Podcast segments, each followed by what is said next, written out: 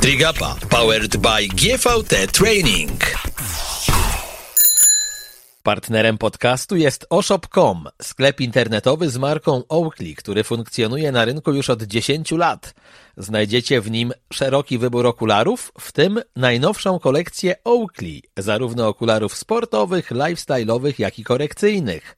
Z kodem TRIGAPA pisane razem w koszyku zakupowym dostaniecie 10% zniżki na modele z nowej kolekcji. Możecie je też obejrzeć w linku, który zamieszczam dla Was na Spotify'u w opisie tego programu. To będą wyjątkowe zawody. 18 i 19 czerwca w Trójmieście odbędzie się Lotto Challenge Gdańsk. Zeszłoroczna edycja tej imprezy otrzymała nagrodę Race of the Year, przyznawaną w ramach Challenge Family Awards. Gdański triatlon uzyskał najwyższe wyróżnienie spośród 33 imprez odbywających się na czterech kontynentach w 27 krajach w ramach cyklu Challenge Family. Lotto Challenge Gdańsk to rywalizacja na dystansach sprinterskim, olimpijskim i połowy Ironmana, zarówno dla zawodników indywidualnych, jak i dla sztafet. Już dziś możesz się do niej dołączyć. Wszystkie szczegóły znajdziesz na www.challenge-poland.com. Uwaga, mam dla Ciebie niespodziankę. Jeżeli użyjesz przy rejestracji kodu TRIGAPA pisane razem i drukowanymi literami, otrzymasz 10% zniżki. Kamil Gapiński, dzień dobry, witam Was bardzo serdecznie w kolejnym odcinku podcastu Trigapa. Tydzień temu śmiałem się, że jest ze mną cioteczka polskich triatlonistów, czyli Agnieszka Jerzyk, to teraz mogę powiedzieć, że goszczę wujaszka, bo to jest człowiek nawet starszy od Agnieszki, choć ciągle młodszy ode mnie. Rocznik 85, więc już bliżej 40 aniżeli 30, ale w sercu ciągle maj. Mikołaj Luft, dzień dobry, miło mi Cię, mój drogi, znowu gościć. Mówię znowu, bo kiedyś Miki już u mnie był w Weszło FM. Dzień dobry, miło mi. Proszę, spokojny, wyważony. E, dobrze. Będziemy rozmawiać dzisiaj, moi drodzy, o przeszłości sportowej Mikołaja. Będziemy rozmawiać o młodych ludziach, z którymi mm, e, trenuję na co dzień. Być może pośród nich mamy jakąś perełkę, jakąś nadzieję polskiego triatlonu.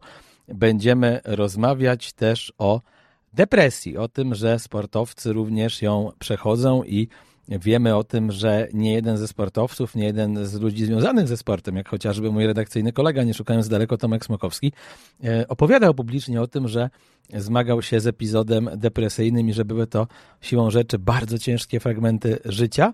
Mm, ja bym, Mikołaj, zaczął od tego, kiedy ty poczułeś, że coś jest nie tak? Czy to mm, można powiedzieć, że patrząc z perspektywy pewnie miesięcy czy, czy lat, że człowiek zauważa, że w pewnym momencie coś się chrzani, czy jest to raczej proces?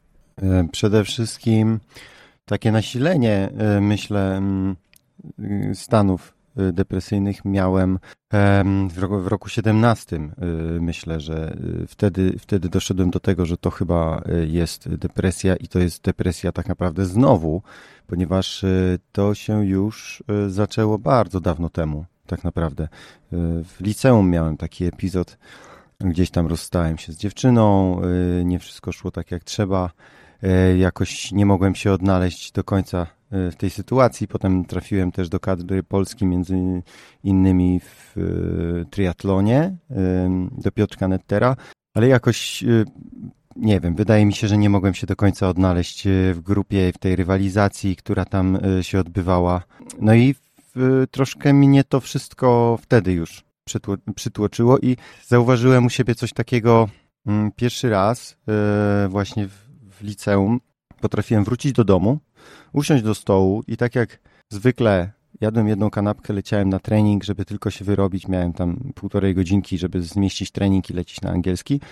To tak naprawdę nie byłem w stanie podnieść się od tego stołu. I tak czasami zastygałem i to były takie pierwsze e, epizody. E, myślę, że potem uporałem się z tym e, całkiem dobrze i radziłem sobie jakby w życiu zupełnie, zupełnie normalnie. Natomiast zdaję sobie sprawę, że gdzieś ta zadra mm, została i niestety, gdy w roku 17, 18, w tych latach zaczął się trochę cięższy czas, bo y, mieliśmy już wtedy dwójkę dzieci z żoną i y, łączenie wszystkiego było coraz trudniejsze.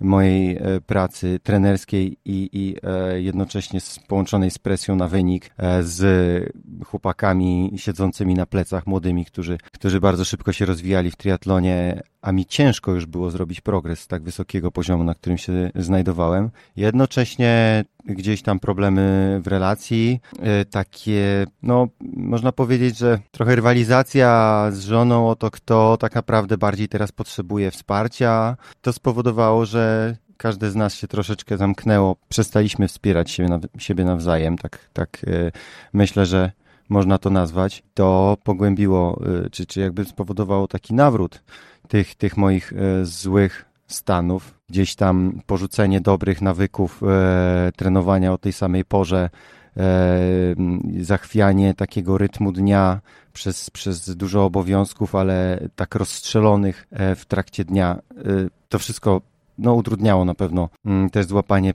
ponownie dobrego rytmu i e, w 19 roku stwierdziłem, że no, trzeba się za to wziąć po prostu za siebie, poukładać rzeczy tak, żeby to zaczęło dobrze funkcjonować, żeby e, znowu odnaleźć radość życia i, i dobrze się czuć e, i ze sobą samym i wtedy też lepiej czuć się z partnerką, z rodziną, bo póki nie jesteśmy ze sobą poukładani i nie czujemy się ze sobą sami dobrze, no to ciężko być pozytywnym człowiekiem dla innych. Oczywiście, ludzie czują tę energię, jaką ktoś inny wytwarza i prawdopodobnie w większości przypadków oddadzą ci to, co od ciebie czują. Ja bym jeszcze na chwilkę wrócił do tego liceum. Czy wtedy, no bo to jednak były, zakładam, lata początku XXI wieku. Myślę, że ta świadomość w Polsce w tym czasie była nieco mniejsza, jeżeli chodzi o takie choroby jak depresja, albo wręcz dużo mniejsza niż teraz, ty miałeś do kogo się zwrócić? Czy nie wiem, twoi rodzice zauważyli, że coś jest nie tak? Ktoś inny z bliskich? Rozmawiałeś wtedy z trenerami? Miałeś dostęp do jakiegoś psychologa? Czy to było tak, że młody człowiek nie mógł wstać od stołu i tak naprawdę nie wiedział dlaczego i, i nie doszedł do tego, z czego to się brało? E, wtedy to był, myślę, że jeszcze bardziej wstydliwy temat niż, e, niż teraz. Ciężko się przyznać e, nastolatkowi, że ma ma takie problemy e, ze sobą, ale e, no ja wiedziałem, e, myślę, że wiedziałem wtedy, co to, co to było. No do tego stopnia, że nawet potrafiłem pójść do pielęgniarki w przerwie albo wyjść z lekcji, bo po prostu źle się czułem. Ona mi, pamiętam taki, taki, taki epizod, zmierzyła mi ciśnienie, ja miałem 90 na 50, jak stary człowiek, który już się kładzie do grobu, a to moim zdaniem było wszystko psychogenne. Natomiast mój dom rodzinny no, jest niestety domem którym o uczuciach się mówi bardzo mało, bardzo rzadko. E, tylko w dramatycznych sytuacjach, na przykład gdy ktoś zachoruje na bardzo ciężką chorobę, zdarzało się powiedzieć o, o jakichś uczuciach. Natomiast, y, no właśnie, jak dochodzi do choroby duszy, to już trudniej jest o tym rozmawiać. Ja niestety w domu nie byłem nauczony rozmawiać o uczuciach otwarcie. Myślę, że się tego teraz z czasem nauczyłem dopiero, natomiast to tabu było, było bardzo mocne w te 20 lat temu. I jak ty wtedy z tego wyszedłeś? Jak to stało się, że to minęło? Bardzo pomocne było zmiana otoczenia wraz z pójściem na studia, kontynuowanie kariery sportowej, potem rozwój e, mnie jako sportowca na długich dystansach triatlonu, gdzie poczu, złapałem wiatr w żagle i poczułem, że to jest właśnie moja nisza dokładnie. I no, miałem naprawdę kilka bardzo, bardzo pozytywnych lat, bardzo dobrych i e, jestem z nich bardzo zadowolony. To był, to był świetny dla mnie czas. No ale to y, nie trwa wiecznie, tak? Więc trzeba, trzeba umieć dostosować się do, do zmian, które następują, do jakichś zmian sytuacji e, w życiu. Te sytuacje bo, bolą czasami. Niestety, jeżeli się nie jesteśmy w stanie dostosować, no to czasami gdzieś tam najsłabsze ogniwo puści, jeżeli jest to psycha, no to wtedy to wychodzi nam. Masz takie wrażenie, że depresja jest chorobą XXI wieku i takim niejako znakiem czasów, bo my jednak non-stop pędzimy. Jak gdzieś przeczytałem ostatnio takie opracowanie, że w tych czasach XXI-wieczny człowiek przyjmuje w ciągu jednego albo dwóch dni tyle informacji, co 100 lat temu człowiek przez pół roku. Więc jako, że mózg nie zmienia się z dnia na dzień czy z roku na rok, tylko nasze mózgi mm, wyglądają tak jak ileś tam setki lat e, temu i e, są przystosowane też trochę do przetrwania. No, nie będziemy teraz wchodzić na kwestie już biologiczne, ale wiecie, jak o tym czytacie pewnie o co mi chodzi, to od tego nadmiaru pracy, informacji, oczekiwań i tak dalej, no można oszaleć. E, tak, to prawda. Ja tak, takie miałem też przemyślenia, że my z drugiej strony mamy przerost ambicji. O ile ludziom, którzy żyją w sposób prosty, na przykład na odludziu, Nepalczykom, wystarczy to, że mają codziennie co zjeść i, i w co się ubrać i tak naprawdę oni spędzają każdy dzień tylko na tym, żeby, żeby jakoś przeżyć następny i oni się tym cieszą. Takich ambicja, e, jeśli można tak powiedzieć, niektórzy to odbiorą może pejoratywnie, ale jest ograniczona do tego, że y, chcą po prostu żyć, cieszyć się może otoczeniem, naturą, tak, ale nie mają tak rozbudzonych oczekiwań od życia, a u nas każdy musi być najlepszy, każdy ma swoje cele, ambicje, musi się zawodowo spełniać y, jako rodzic e, i tak dalej, i tak dalej. Rodzicielstwo to już też nie jest tylko tak jak kiedyś, żeby tylko dzieci miały w czym chodzić, e, w co się ubrać, ale też musi chodzić do dobrej szkoły, często płatnej. E, e, oczywiście tam jest też wyścig szczurów w tej szkole, więc to się już zaczyna bardzo wcześnie. Tak mi się wydaje, że człowiek współczesny no, ma po prostu tak dużo, tak, tak wysoko postawioną poprzeczkę i tak dużo oczekiwań od współczesnego człowieka jest stawianych, że każdy z nas no, jest w jakimś wyścigu nomen omen. Mówimy tu o sporcie, tak, ale, ale to się, ta rywalizacja odbywa się na wielu polach. Jesteśmy w tym 2018, w tym 2017-2019 roku. E, jesteś gościem, który właśnie trenuje, ma małe dzieci, ma partnerkę, która też pewnie chciałaby mieć swoje życie. Zaczyna to się wszystko gdzieś wymykać spod kontroli. I jaka jest ta twoja pierwsza reakcja? Nie wiem, idziesz do psychologa, zastanawiasz się, czy uderzyć do psychiatry i wziąć jakieś leki, czy, czy, czy po prostu rozmawiasz o tym z partnerką na zasadzie, że jednak komunikacja w związku jest najważniejsza i wyjaśnimy sobie coś i, i może wtedy mm, wyjdzie to na prostą? Jak to było? U nas największym problemem stały, stała się relacja, to żeśmy przestali się nawzajem rozumieć i podjęliśmy też próbę spotkania na terapii małżeńskiej, ale tak jak to bardzo często bywa, y, terapeutka nam uświadomiła, że tak naprawdę każdy z nas musi najpierw zrobić porządek ze sobą i udać się do własnego y, psychoterapeuty, poukładać sobie nieco w głowie, zmienić swoje nastawienie, nawyki, a tak naprawdę wtedy dopiero możemy wrócić do, do pracy w parze. Natomiast y, cóż, jeżeli już wspomniałeś o lekach, czasami Niestety to też jest potrzebne, zwłaszcza w ostrym stadium. E, depresji na pewno nam pomaga. Wycisza te złe emocje, stwarza taki, e, inaczej, spłaszcza, spłaszcza nastrój. E, moje jest, takie jest moje doświadczenie.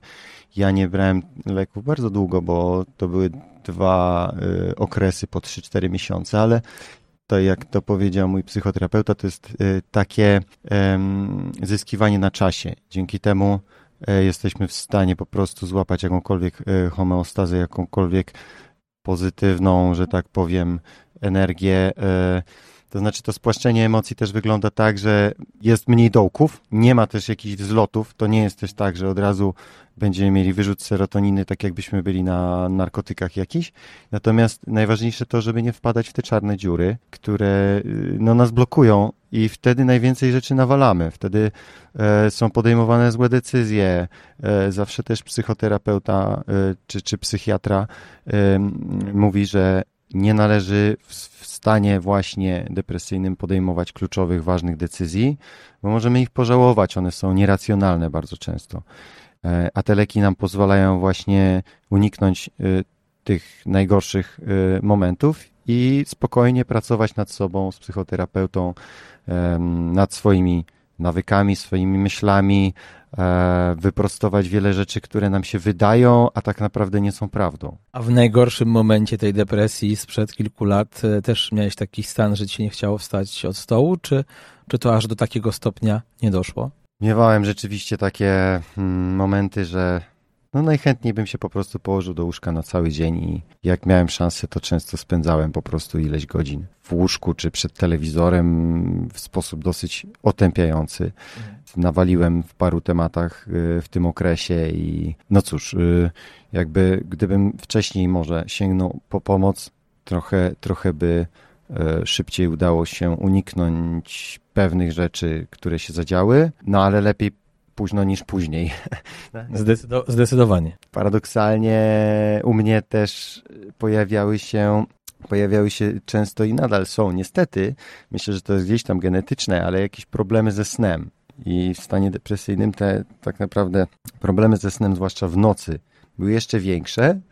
Natomiast w dzień nie miałem żadnego problemu z zaśnięciem. Mogłem położyć się, przyłożyć głowę do poduszki i po chwili spałem godzinę, dwie. No to, to, to, to na pewno głowa troszkę lepiej pracowała po czymś takim, ale to też nie jest zdrowe.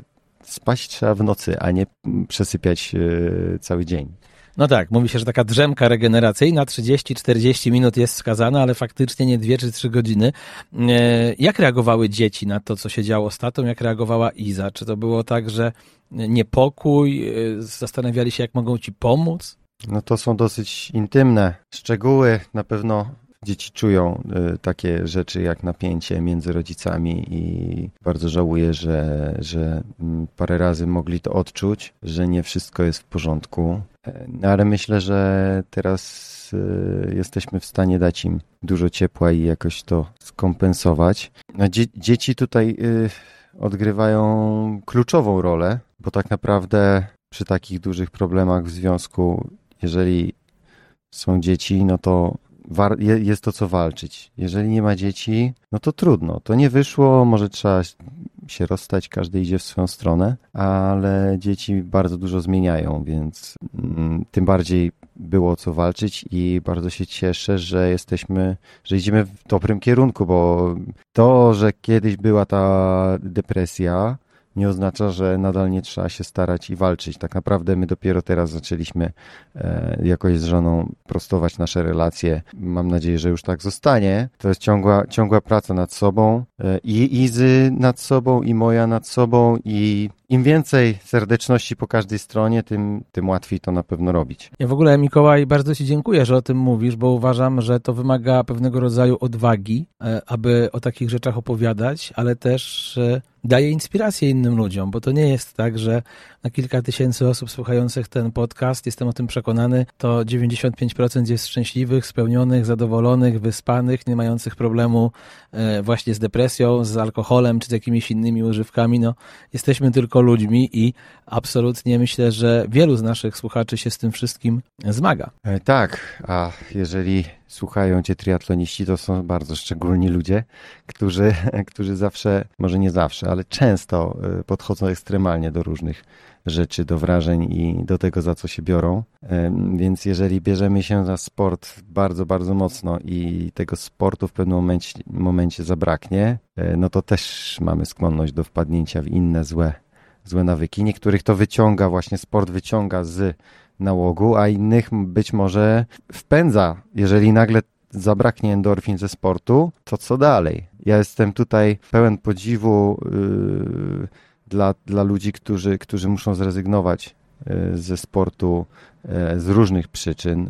Myślę, że Tomek Kowalski się nie obrazi, jeżeli teraz o nim wspomnę, bo mi się wydaje, że to jest człowiek, który przeży, no, przez ostatnich parę miesięcy musiał przeżyć e, dużą zmianę swojego trybu życia z uwagi na wykrytą chorobę i jestem pełen podziwu, jak on sobie daje radę rozwijając nadal swoją grupę treningową, e, gdy musi jednocześnie zrezygnować z własnej aktywności e, sportowej. E, więc Tomek, tutaj bardzo Cię pozdrawiam serdecznie i no, bądź nadal inspiracją dla innych. Powiedziałeś taką rzecz w wywiadzie dla triathlonlife.pl, że Iza chciała wyjść z roli matki Polki w tym związku. Udało się jej to? Ma takie poczucie teraz, że jakby poszła na swoje i też robi fajne rzeczy? E, tak, myślę, że Iza idzie w bardzo fajnym kierunku. Rozwija się notabene jako psychoterapeuta.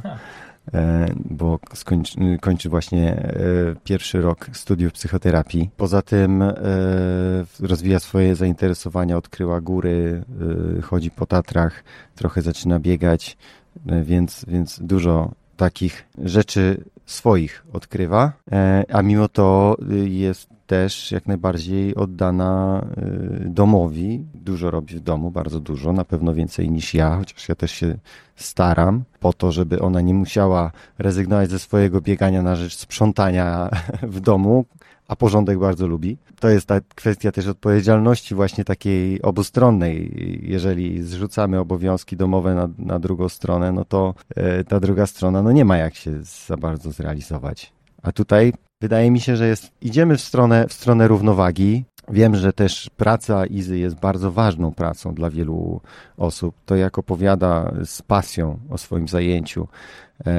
o, o swoich pacjentach, oczywiście incognito, ale o, ty, o, o, różnych przypadkach e, młodzieży, z którą współpracuje, której pomaga. Mimo, że to jest praca nie najlepiej opłacana, jeżeli chodzi o y, państwową posadę, którą zajmuje, to jest no, o niebo ważniejsza niż to, co ja robię, bo ja tak naprawdę pomagam ludziom. Fajnie spędzić czas na treningu, głównie, e, a, a ona tak naprawdę często ratuje tę te, te, tą młodzież, y, która potrzebuje jakiejś tam pomocy właśnie psychologicznej, poważnej. Ja sobie myślę, że też twoje przejścia i to twoje doświadczenie może pomóc nie tylko w kwestii sportowej zawodnikom, ale zakładam, że jeżeli pracujesz z ludźmi powiedzmy już dorosłymi, a przecież takich też masz, i widzisz, że może ktoś z tym triatlonem przegina pałkę, że tam nie weźmie raz czy dwa żony na kolację czy do kina, bo trzeba iść na trening, e, to jesteś w stanie zareagować. Może jesteś w stanie jakoś podpowiedzieć, jesteś w stanie na swoim przykładzie pokazać, że o, tutaj stary, jako twój trener mogę zaznaczyć, że możesz popełniać błąd. Ludzie przeważnie nie lubią przyjmować pouczeń i rad z jednej strony, no ale z drugiej, jeżeli jesteś trenerem, to jakby stawia cię to już troszeczkę w roli takiego, e, mam wrażenie, takie sportowego mentora. E, tak, ja tutaj być może przez moje doświadczenia wręcz bywam zbyt miękki do odniesieniu do, do zawodników bo daję może im za dużo luzu, ale wiem, że ta rodzina musi być jednak na pierwszym miejscu, e, więc e, no, lepiej potrenować czasem za mało niż za dużo. Piotr E, Zauerland, z którym współpracowałem przez dwa lata, zawsze w e, tygodniu treningowym wrzucał dzień dla rodziny. Także sześć dni trenowaliśmy, jeden dzień był taki mm, luźniejszy, ten dzień był u mnie zwykle ruchomy, ale zwraca uwagę, że tak musi być, bo inaczej e, po prostu rodzina nie wytrzyma, żona się zbuntuje, że jest ciągle na drugim miejscu.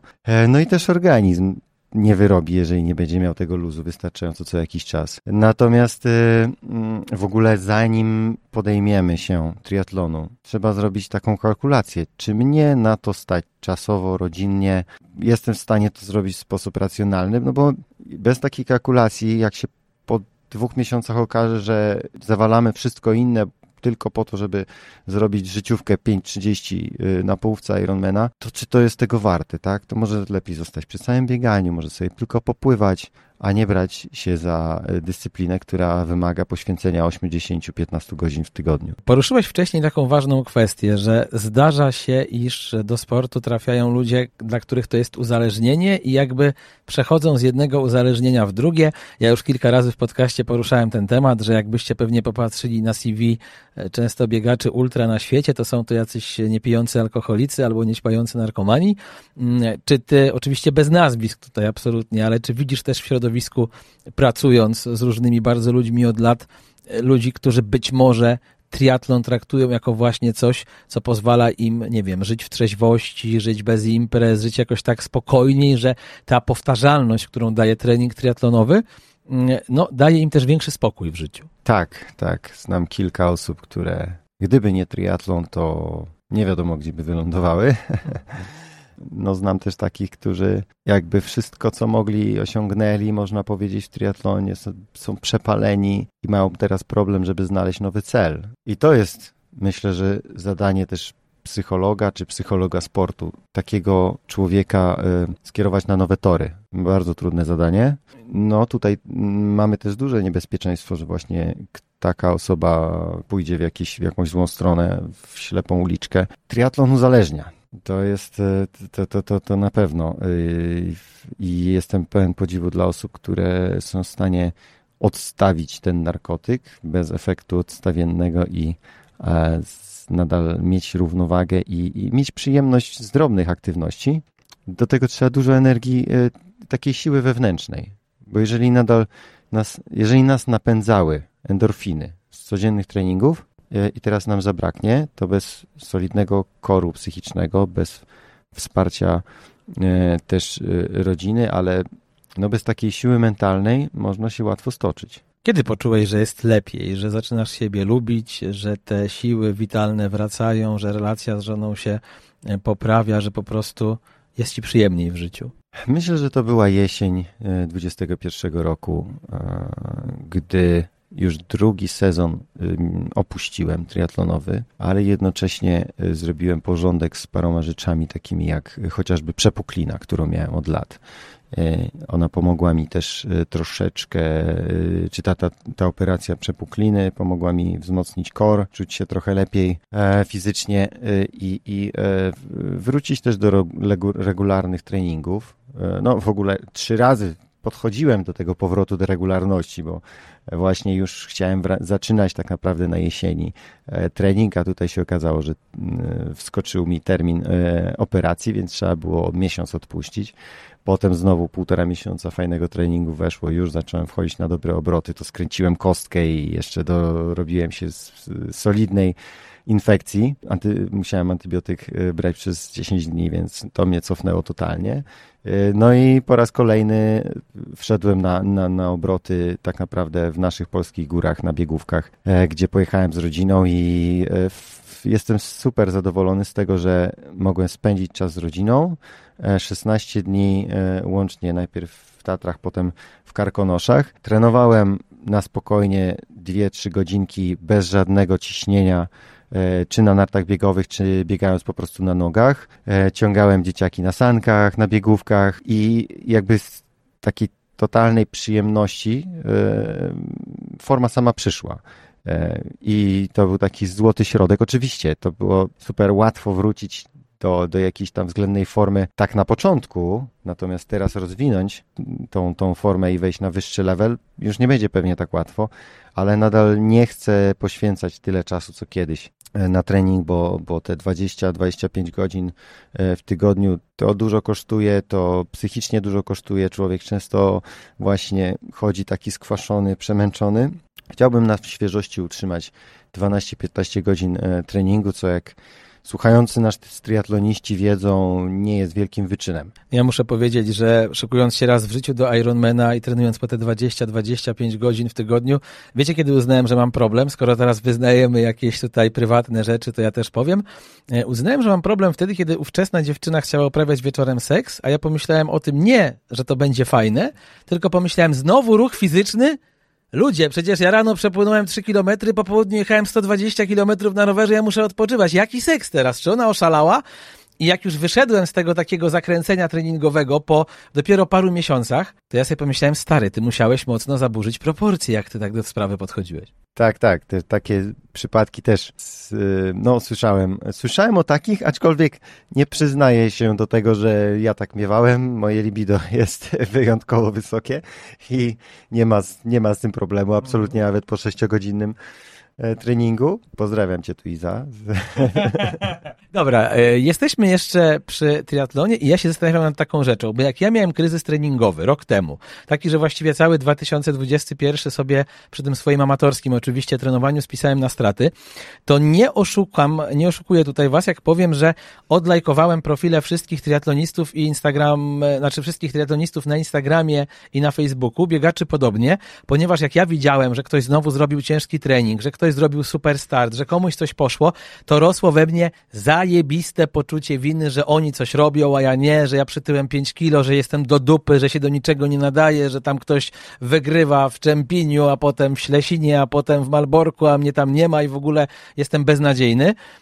Czy ty miałeś podobnie, że próbowałeś się trochę odciąć? Bo jednak i w moim, i w twoim przypadku to nie jest łatwe. No ja jestem dziennikarzem sportowym i próbując się odciąć wtedy od sportu, jednak o nim musiałem rozmawiać. Ty jesteś cały czas trenerem, wychowawcą też młodzieży, więc siłą rzeczy nie możesz spuścić żaluzji i w ogóle udawać, że tego sportu nie ma. E, słuszna uwaga. Mnie Instagram po prostu wkurzał. Nie zaglądałem na niego w pewnym momencie w ogóle, bo jak widziałem te wszystkie uśmiechnięte buźki, e, zadowolone z wspaniałego treningu czy innego startu, gdy jakby widziałem też tą czarną stronę e, sportu, czy, czy, czy właśnie to, że no, byłem przepalony, byłem wypalony na tamtym etapie sportowo i, i potrzebowałem mm, zebrać dużo energii, to mnie to y, dosyć przybijało i zamiast właśnie mnie ładować jakąś pozytywną energią, tak jak to te influencerskie obrazki właśnie powinny działać, to ja się frustrowałem. Dla odmiany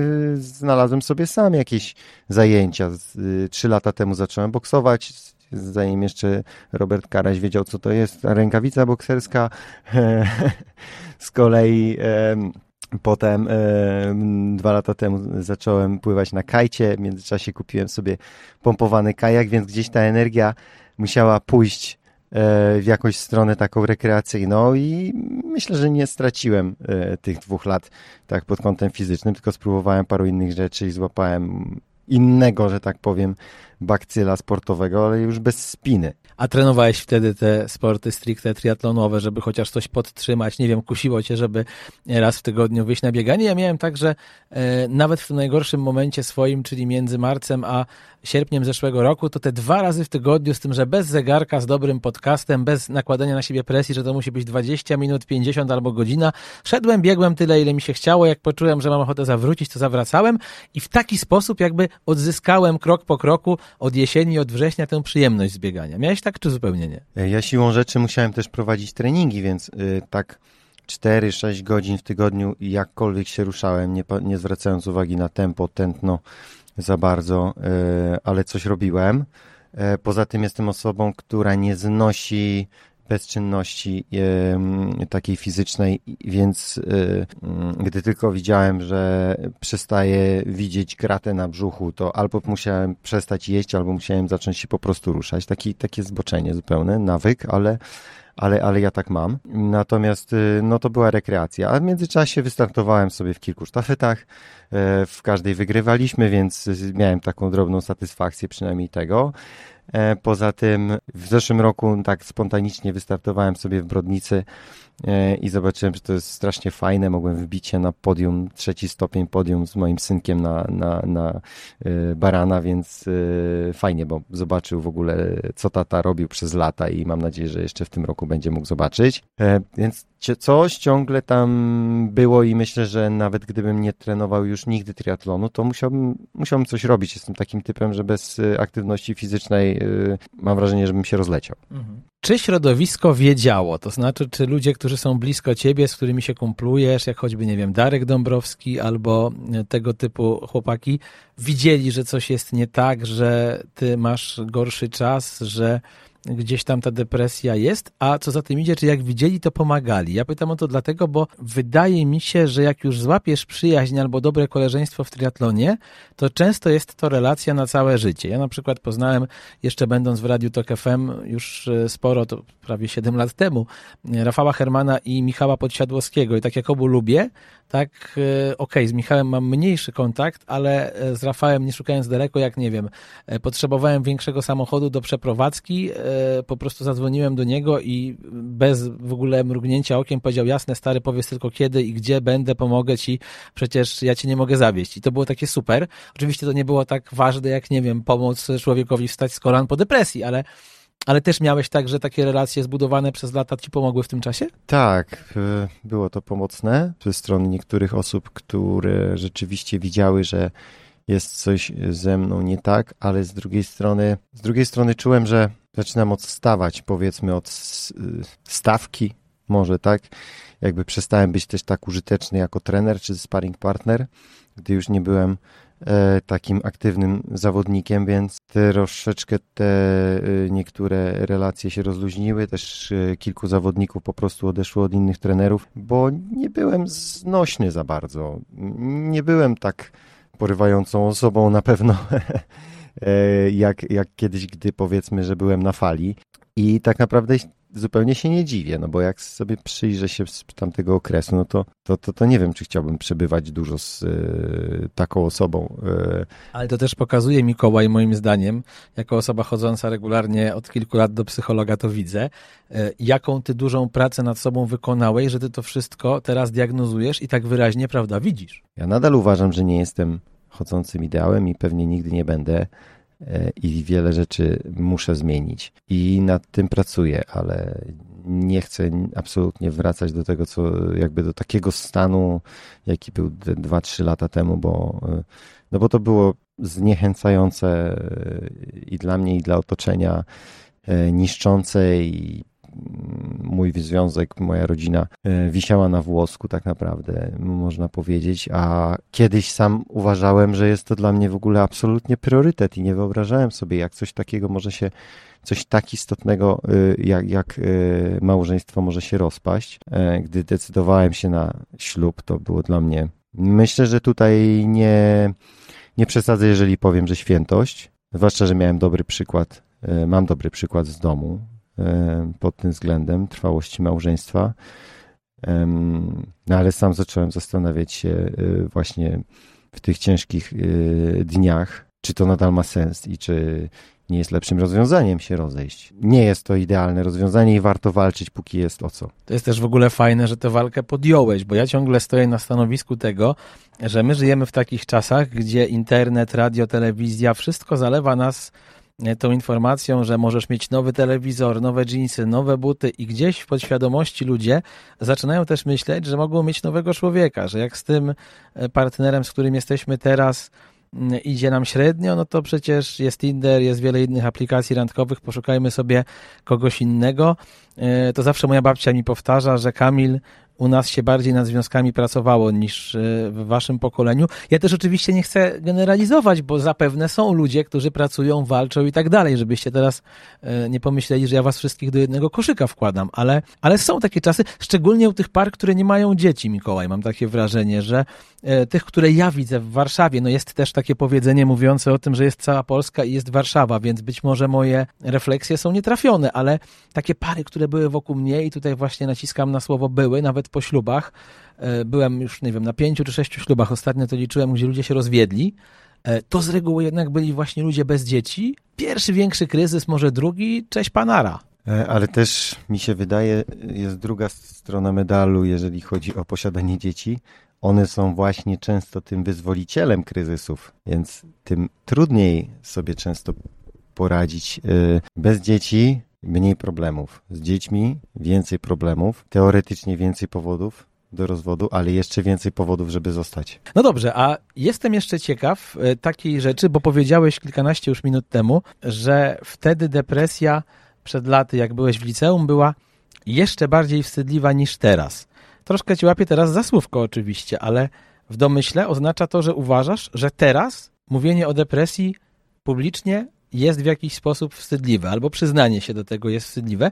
Ja powiem Ci szczerze, uważam, ja w tym nie widzę w ogóle wstydu, uważam, że jest to dowód na posiadanie bardzo dużych jaj, że Ty tutaj jesteś w tej chwili u mnie w programie i o tym mówisz, ale też, że właśnie inni ludzie są w stanie publicznie, nie wiem, czy przyznać się do alkoholizmu, czy właśnie do depresyjnych stanów, bo jeżeli ktoś znany w danym środowisku albo sławny tak ogólnie w świecie o tym mówi i pokazuje tą swoją ludzką stronę, to po prostu uważam, że odsłaniając się w ten sposób pomaga wielu ludziom, bo ci ludzie nie widzą wtedy już, nie wiem, tego instagramowego, cukierkowego świata po 300 filtrach, gdzie wszystko się zgadza, nie ma rozstępów, piersi są jędrne, a tarka na klacie błyszcząca i naoliwiona właśnie jakąś ekstra oliwką, tylko że, że każdy człowiek ma rysy. To pytanie?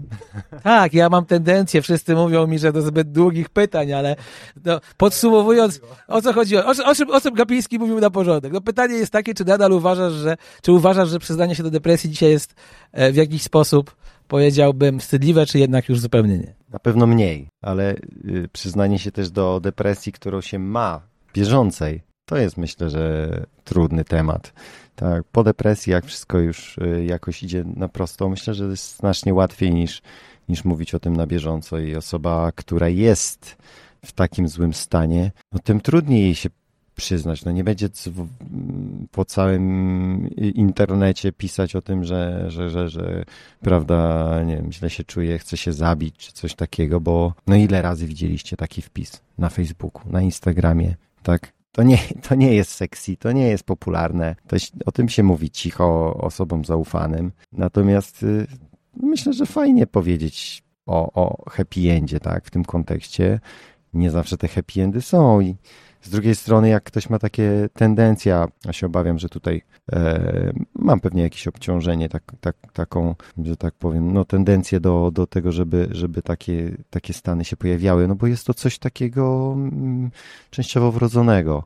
Niestety y, jest jakaś skłonność genetyczna do tego, większa lub mniejsza y, może być. U niektórych to jest tylko, tylko epizod który zamykają i nie, nie ma, nie istnieje, a niektórzy się muszą zmagać z tym latami. Ja też jakby nie uważam, że wygrałem 100% i już nigdy, nigdy więcej nie będę smutny. Nie wiadomo, jak to będzie, ale trzeba zapamiętać ten dobry czas i to, że człowiek jest w stanie się z tym uporać. Jeżeli nawet się coś takiego pojawi, to zareagować odpowiednio wcześnie. No i właśnie mieć to z tyłu głowy, że to mija, nawet najgorsza żmija. To będą wyjątkowe zawody. 18 i 19 czerwca w Trójmieście odbędzie się Lotto Challenge Gdańsk. Zeszłoroczna edycja tej imprezy otrzymała nagrodę Race of the Year, przyznawaną w ramach Challenge Family Awards. Gdański triatlon uzyskał najwyższe wyróżnienie spośród 33 imprez odbywających się na czterech kontynentach w 27 krajach w ramach cyklu Challenge Family. Lotto Challenge Gdańsk to rywalizacja na dystansach sprinterskim, olimpijskim i połowy Ironmana, zarówno dla zawodników indywidualnych, jak i dla sztafet. Już dziś możesz się do niej dołączyć. Wszystkie szczegóły znajdziesz na www.challenge-poland.com. Uwaga, mam dla Ciebie niespodziankę. Jeżeli użyjesz przy rejestracji kodu TRIGAPA pisane razem i drukowanymi literami, otrzymasz 10% zniżki. Przechodząc trochę do sportu, żeby nie było, że my dzisiaj tylko o, o powiedziałbym, psychologii sportu i o życiu rozmawiamy, e, Czego mogą spodziewać się po starym Wilku Lufcie, młode Wilczki jak Wilkowiecki i paru innych w tym sezonie? Bo mówiłeś w rozmowie z triathlonlife.pl, że długi dystans to na razie nie i że to Warszawa oraz Gdynia, czyli te zacne polskie połówki są Twoim celem. Też taki fajny cytat tutaj przytoczę. Moim celem w tym roku jest osiągnięcie jak najlepszych wyników, jak najniższym kosztem czasowym i rodzinnym. Czyli rozumiem, że nie ma tego nakładania presji na siebie, nie ma tego w głowie, że ja muszę teraz pokazać, że Luft wraca i tu nagle wbije się do pierwszej piątki polskich triatlonistów. Ma być przede wszystkim z tego fan. Tak, prawda. Mm, endorfinki też swoją drogą ale nie chcę wchodzić w jakieś przetrenowania, przemęczenia. To już mam za sobą. Y, teraz bym chciał troszkę złapać też, y, jakby potrenować na świeżości i się dobrze czuć z tym tematem. Może to jest też trochę zachowawcze, y, że nie podejmuję rękawicy tak stuprocentowo, że będę walczył o zwycięstwo od razu, no bo zdaję sobie sprawę, że obecnie zawodnicy są na innym poziomie niż ta rywalizacja, która miała miejsce 5-6 lat temu, gdy zdobywałem Mistrzostwo Polski. E, już będzie 7, tak? W 16 e, teraz, e, które to będzie? 7 sezonów wstecz. W każdym razie, no, te prędkości, które teraz rozwijają zawodnicy, którzy się nauczyli świetnie jeździć na czas, potem bardzo dobrze biegać, to mogą być już, zdaję sobie sprawę, poza zasięgiem. Ja mam 30, 37 lat, wiecznie nie będę e, przyspieszał. Stawiam na, na, doświadczenie, na to, że dobrze potrafię się ustawić na pływaniu, e, potrafię przypłynąć w nogach szybszym zawodnikom e, i potem zrobić bardzo dobrą zmianę, utrzymać dobre tempo na rowerze. Chciałbym chciałbym startować przynajmniej na podobnym poziomie jak w swoich najlepszych latach. To już by było super. E, gdyby dzięki wiedzy, którą mam, e, udało mi się to osiągnąć e, właśnie niskim kosztem, małą objętością treningową, trochę jak Paweł Korzeniowski, który pojechał na swoje piąte Igrzyska Olimpijskie, trenując połowę tego, co w szczycie kariery. Marzy mi się coś podobnego. Paweł nawet nie dostał się do finału Igrzysk Olimpijskich, ale był na tych Igrzyskach, tak? Ja tutaj też nie nastawiam się na zwycięstwo, ale no chcę poczuć znowu tą adrenalinę i teraz w Żyrardowie ta jedna ósma hardkorowa była bardzo pozytywnym przeżyciem. Strasznie mi się podobało to, mimo że skończyłem na pierwszym miejscu za podium, e, czyli czwarty, dostałem bęcki od tak zwanych age grouperów, ale no, to mnie trochę otrzeźwiło też, że nie będzie tak łatwo. E, trochę jednak trzeba będzie się, wysilić. Natomiast ta, ta, ta adrenalina, to co się dzieje naokoło startu i to, że ja nie jestem outsiderem, nie jestem trenerem patrzącym na swoich zawodników, pokrzykującym, że szybciej, szybciej zjadając trzeciego hamburgera, tylko y, bycie wśród tych zawodników y, aktywnie, no to jest, to jest super sprawa. Ta adrenalina, która była w Żyrardowie i ta energia, która ze mną została na kilka dni, było, była świetna. A czy Mikołaj Luft w tym swoim powrocie, comebacku do triatlonu jest sobie sam sterem, okrętem i żeglarzem, czy jednak masz jakiegoś trenera, który chociaż patrzy w te plany i tam cię koryguje? Jak to wygląda? Jestem sam sobie sterem, żeglarzem, okrętem. Bazuję na swoim doświadczeniu. E, na swoim samopoczuciu treningowym. Też nie, nie chcę się napinać do jakichś y, planów, które ktoś dla mnie stworzy. E, chcę robić treningi, które czuję, że dają efekt i nie mieć presji przede wszystkim. Mówiliśmy o tym, że trochę podniósł się, nawet pewnie sporo w ostatnich kilku latach w tej półdekadzie poziom polskiego triatlonu. Ja pamiętam, że jak ty byłeś u mnie jeszcze kilka ładnych lat temu, właśnie we Weszło FM opowiadałeś o tym, że marzą ci się Hawaje jako prosowi, a czy w związku z tą zmianą poziomu, z tym, że nie trenowałeś kilka lat, z tym, że wracasz, nie masz tak, że na przykład marzą ci się Hawaje, owszem, ale jako age grouperowi, jako takiemu gościowi, który powiedzmy na czterdziestkę sobie taki prezent zrobi, że tam wystartuje w M40, 44 i, i sobie powalczy na wysokim poziomie? E, tak, jest to jakiś, jakiś tam plan, jakaś opcja, którą można by przyjąć. E, wydaje mi się, że póki co to jestem za młody i za piękny, żeby startować w jakichś grupach, e, jak to się mówi. E, I zbyt krótki czas od moich startów pro upłynął, żeby tak z ręką na sercu wystartować jako age group, chociaż te treningi można zaliczyć jako age grouperskie, tak naprawdę amatorskie, a jest z kolei kilku age grouperów, których spokojnie można zaliczyć już do prosów. Ciebie jako tą osobę doświadczoną, która jak to się pięknie mówi, zjadła zęby na triatlonie, chciałbym spytać, wierzysz w to, że my w ciągu najbliższego roku, dwóch jakiegoś prosa na te Hawaje powiedziałbym, tam dokopiemy, że to może być właśnie Agnieszka Jerzyk, która tydzień temu mówiła mi, że nie czuje się zawodniczką spełnioną, mimo tego, że mogłaby absolutnie tak się czuć, bo przecież była dwa razy na igrzyskach, bo ma pierdyliard medali z Mistrzostw Polski, w tym większość złotych, ale potrzebuje być na Hawajach, żeby poczuć, że stawia stempel na tej karierze. Widzisz właśnie ją jako taką osobę, która może to zrobić i pośród panów, chłopaków, którzy faktycznie nie tylko będą mówić w wywiadach o tym, że się na Hawaje zakwalifikują, ale po prostu zacisną zęby i to zrobią? Aga to jest zwierzę triatlonowe. Ona jest tylko rok ode mnie młodsza i znamy się uu, od lat yy, blisko 20. Pamiętam, yy, pamiętam, jak ona już bardzo mocno jeździła na rowerze i na Majorce, i potem na jakichś wspólnych obozach w Szklarskiej. Więc ten rower y, w jeździe na czas powinien jej oddać, a bieganie to wisienka na torcie i zdziwiłbym się, gdyby to Agnieszka właśnie nie pojechała na igrzyska, e, nie, nie na igrzyska, tylko na Hawaje. Zdziwiłbym się, gdyby Agnieszka nie pojechała na Hawaje. E, wśród chłopaków mamy kilku kandydatów, tylko kwestia odpowiedniego dnia, i żeby wszystko zagrało i nie popełnianie drobnych błędów, jak na przykład kartka, na którą sobie zasłużył Tomek Szala na ostatnich e, zawodach e, w Teksasie, która być może kosztowała go właśnie slota na Hawaje. Swoją drogą ma niezłą średnią, dwa Ironmany w życiu, dwa razy 8,15 i to jeden z pięciominutową karą. No i też mu trzeba powiedzieć, że kontynuuje piękne polskie tradycje triatlonu długowłosych. Ty ściąłeś włosy, szala został z tymi dłuższymi, radzi sobie bardzo dobrze. To prawda. E, średnia się zgadza, długość włosów w polskim triatlonie. No Tomkowi kibicuję, tylko żeby rzeczywiście nie popełniał drobnych błędów. E, mam nadzieję też, że się e, doczeka jakiegoś poważniejszego sponsoringu, jakiegoś, jakiejś współpracy z firmą rowerową, czy, czy czegoś takiego, co, co, co pozwoli mu rzeczywiście no, żyć żyć z tego, z tego triatlonu, e, a nie tylko bawić się jak student. E, do tego też trzeba troszeczkę, troszeczkę dojrzeć, e, ale mamy też przecież kilku innych kandydatów, tak? Miłosz Sowiński, no, szuka gdzieś tam formy, ale myślę, że to jest materiał jak najbardziej na, na gościa z sub 8 na, na Ironmanie, co też może dać kwalifikację. No, Wilku to wiadomo, niestety nie załapał się ostatnio, ale jest bardzo blisko. Nie jesteśmy tutaj też w próżni zawieszeni, tak? Nasi tri triatloniści Ironmani się poprawiają, zaczynają schodzić poniżej 8 godzin, ale świat zaczyna schodzić poniżej 7.30. Te sloty to nie jest tylko kwestia bardzo dobrego czasu, ale też kwestia szczęścia, żeby być w puli, i żeby dwie czy trzy osoby przed nami nie były szybsze y, i jeszcze tego slota nie potrzebowały, no bo wtedy nie ma szans. Ja muszę tutaj przyznać, że kocham Christiana Blumenfelda, bo jak zobaczyłem jego zdjęcie na rowerze z Mistrzostw Świata z taką delikatną oponką wiszącą mu na brzuchu, to pomyślałem sobie, że dał nadzieję milionom zawodników, którzy mają parę kilo za dużo, że można zrobić znakomity wynik.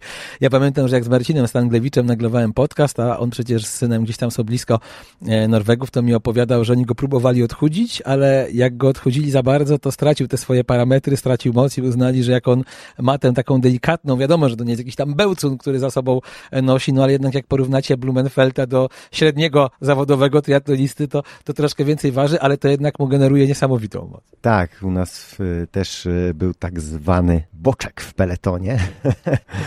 E, tak, także Filip, Filip Przymusiński e, posiadał takową oponkę. No i póki ją posiadał, to na sprintach i olimpikach kończył bardzo wysoko, natomiast raz się odchudził na tyle, że e, nawet nie dotarł na start. Więc myślę, że to złoty środek musi jakiś być u każdego zawodnika, taka waga, przy której on się dobrze czuje. I jeszcze też dodam, że mam nadzieję, że Agnieszka Jerzyk się nie obrazi na Mikołaja Lufta, który powiedział, że jest od niego rok młodsza. Ona jest trzy lata młodsza, 88 rocznik, mój drogi. Tak, no naprawdę, Agnieszka Jerzyk jest 88 rocznik, ja jestem przekonany, 100%. No mówię ci.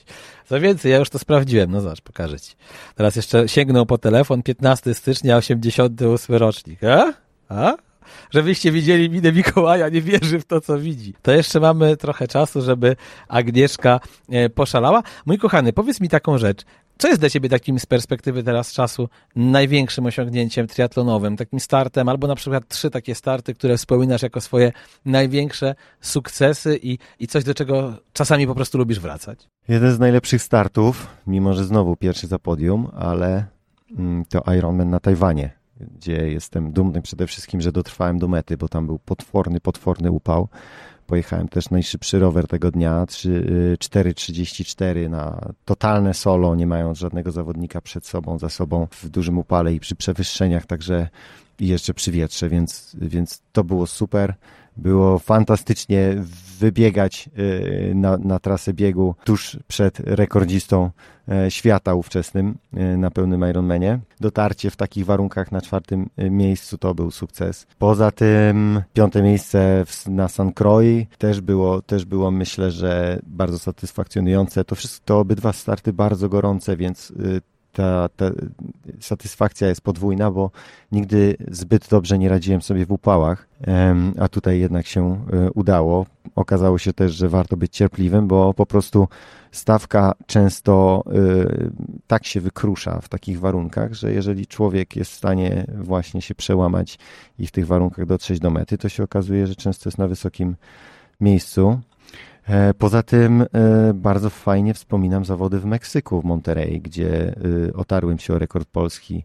Wtedy zrobiłem 3,52 na połówce. Trochę się najeździło przez te 7 lat i jest wiele startów, z których jestem bardziej lub mniej zadowolony. Często też startowałem będąc w szczycie formy właśnie za granicą, a nie w Polsce, stąd może tak niewiele mam medali Mistrzostw Polski, bo po prostu albo mnie nie było na mistrzowskich imprezach, e, albo e, ta forma akurat nie była wtedy najwyższa. No ale Mistrzostwo Polski w Sierakowie 2016 też było super doświadczeniem. Zwłaszcza, że no, cały triatlon zrobiłem na solo, odpalając 4 minuty chyba E, pierwszemu zawodnikowi z tyłu, e, chyba drugi był wtedy, e, znaczy nawet na pewno Kasper Adam, chyba czwarty albo piąty dopiero Robert Karaś, więc towarzystwo też było dobre. Dużo, dużo wspomnień i chciałbym gdzieś tam do tego nawiązać. Tego na pewno Mikołajowi życzymy. Już powoli zbliżamy się do końca naszej rozmowy. Natomiast ja jestem ciekaw tej grupy Junior Luft 3 Team, Lufciątka, Junior, of course my horse, Junior. E, lufciątka tak zwane w wieku 9-13 lat. Jak dużą satysfakcję daje prowadzenie tak młodych ludzi? Jak wyglądają te treningi? Czy to są takie małe maszynki już triatlonowe, które marzą o tym, żeby właśnie pójść w ślady dorosłych, być może swoich rodziców i, i ten triatlon uprawiać, czy, czy niekoniecznie, czy bardziej bawią się tym sportem? Już nawet 9-17 lat, bo niektórzy zaczynają dorastać. To jest taki projekt skierowany do dzieciaków którzy, które chcą wzrastać w sporcie, ale też nie chcą czuć wielkiej presji na wynik. U nas y, stawiamy na dobrą zabawę i taką równowagę, life balance. Nie, nie bazujemy na sekcjach pływackich, na przykład, gdzie mamy bardzo mocnych pływaków, którzy by chcieli iść, y, iść w wyczyn, tylko trenujemy popołudniowo czy wieczorami. Zwykle to jest do sześciu maksymalnie jednostek w tygodniu.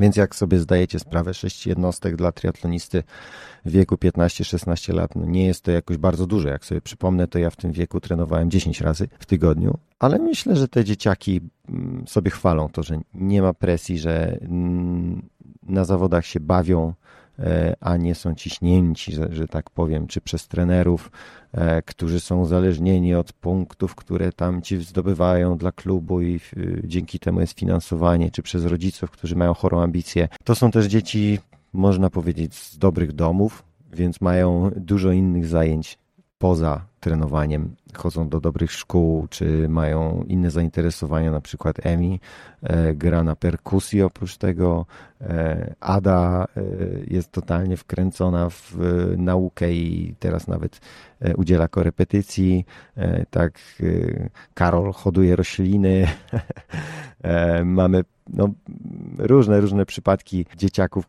których dla, dla których triatlon jest dodatkiem, a nie jakimś tam jakby sensem całe, całego życia. Myślę, że to jest dosyć zdrowe, że nie wchodzą w jakiś, jakąś taką zbytnią rywalizację. No i właśnie, tutaj mówimy o tym wyścigu szczurów, o którym, o którym wspominaliśmy na początku.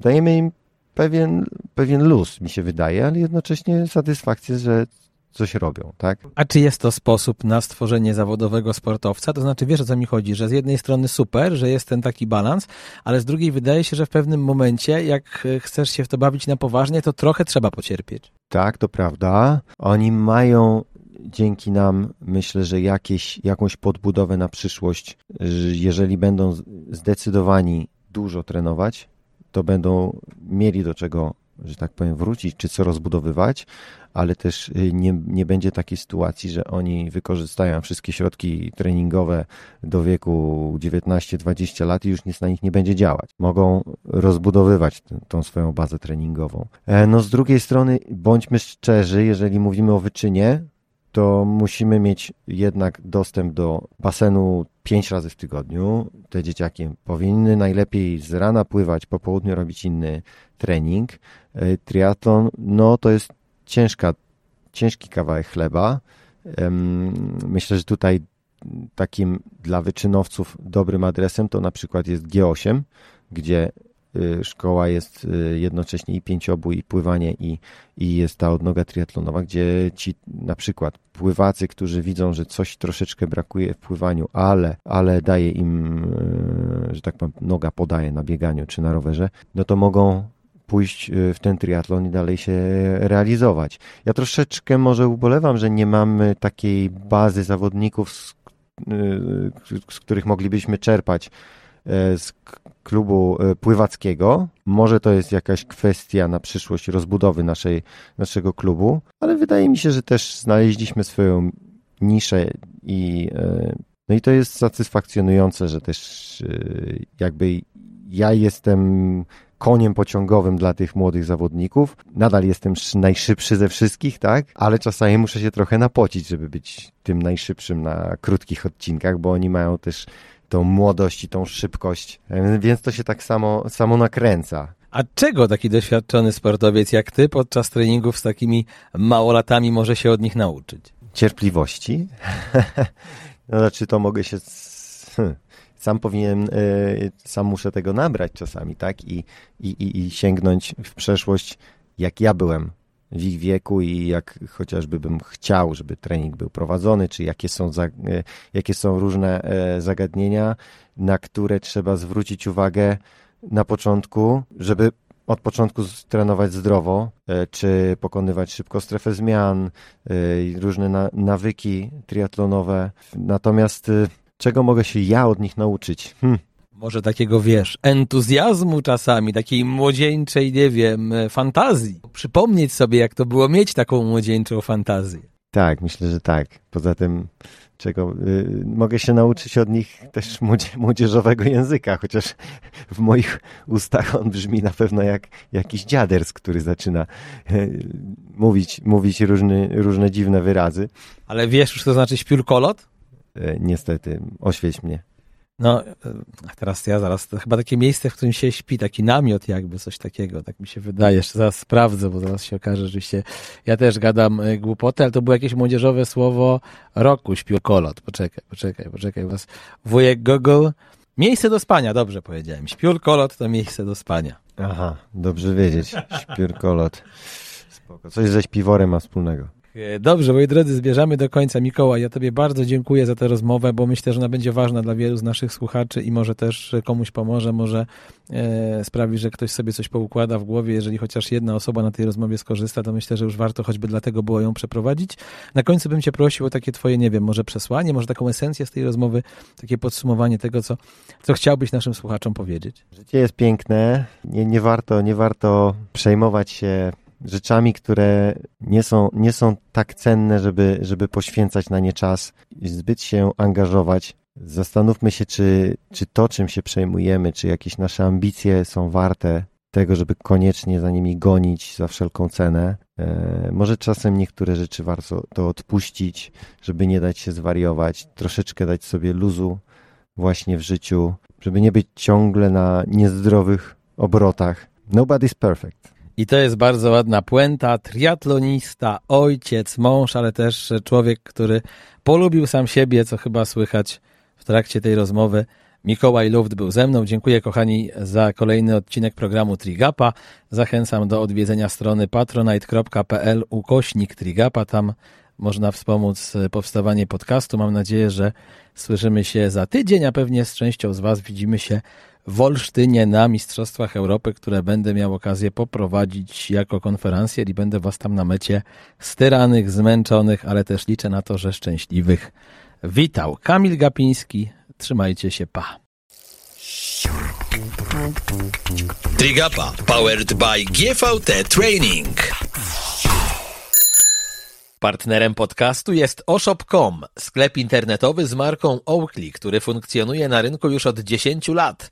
Znajdziecie w nim szeroki wybór okularów, w tym najnowszą kolekcję Oakley, zarówno okularów sportowych, lifestyle'owych, jak i korekcyjnych. Z kodem TRIGAPA pisane razem w koszyku zakupowym dostaniecie 10% zniżki na modele z nowej kolekcji. Możecie je też obejrzeć w linku, który zamieszczam dla Was na Spotify'u w opisie tego programu.